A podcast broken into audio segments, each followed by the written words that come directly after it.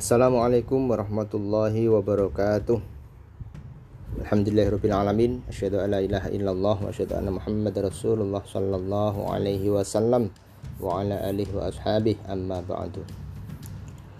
Ada satu kisah di zaman Rasulullah Sallallahu alaihi wasallam. Ada seorang sahabat yang Dia ini bukan orang yang terkenal ketika namanya pertama disebutkan oleh Nabi Muhammad Shallallahu Alaihi Wasallam, para sahabat asing dengan namanya. Siapa dia ya Rasulullah? Tanya para sahabat.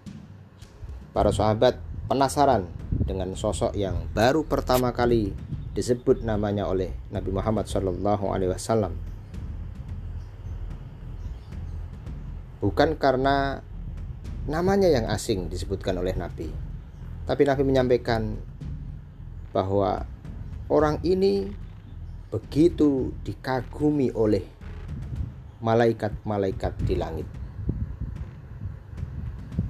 Kemudian ketika itu Nabi berkata kepada para sahabat, "Tidak bisakah seseorang dari kalian bersikap seperti Abu Domdom?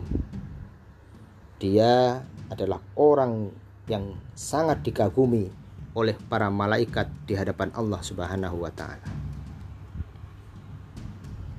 Setiap pagi Abu Domdom ini sedekah dengan sesuatu yang tidak lazim, yang tidak biasa. Ternyata inilah kunci yang menjadikan kekaguman malaikat kepadanya. Dia sholatnya biasa saja, seperti kalian, tapi ketika pagi hari Abu Domdom selalu berdoa, selalu berkata kepada Allah, "Ya Allah, aku sedekahkan kehormatanku untuk kaum muslimin. Maka siapa saja yang mengejekku, yang menggunjingku, yang menyakitiku atau berbuat buruk kepadaku, sungguh aku telah memaafkannya di dunia ini." Aku tidak akan menuntutnya atas hakku kelak di akhirat. Nah, inilah yang kemudian membuat para malaikat kagum dengan Abu Damdam. Dia sedekah dengan hal yang tidak biasa. Jadi sedekah itu tidak selamanya tidak selalu harus dengan harta.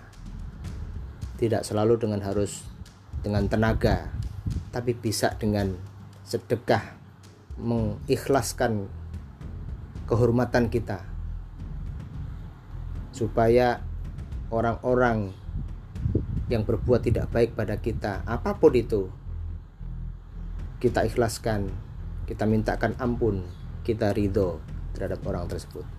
Itulah yang kemudian membuat Abu Dhamdham istimewa dan dikagumi oleh para malaikat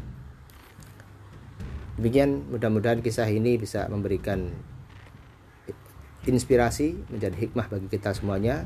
Kurang lebih mohon maaf yang sebesar-besarnya. Bila taufik wal hidayah. Assalamualaikum warahmatullahi wabarakatuh.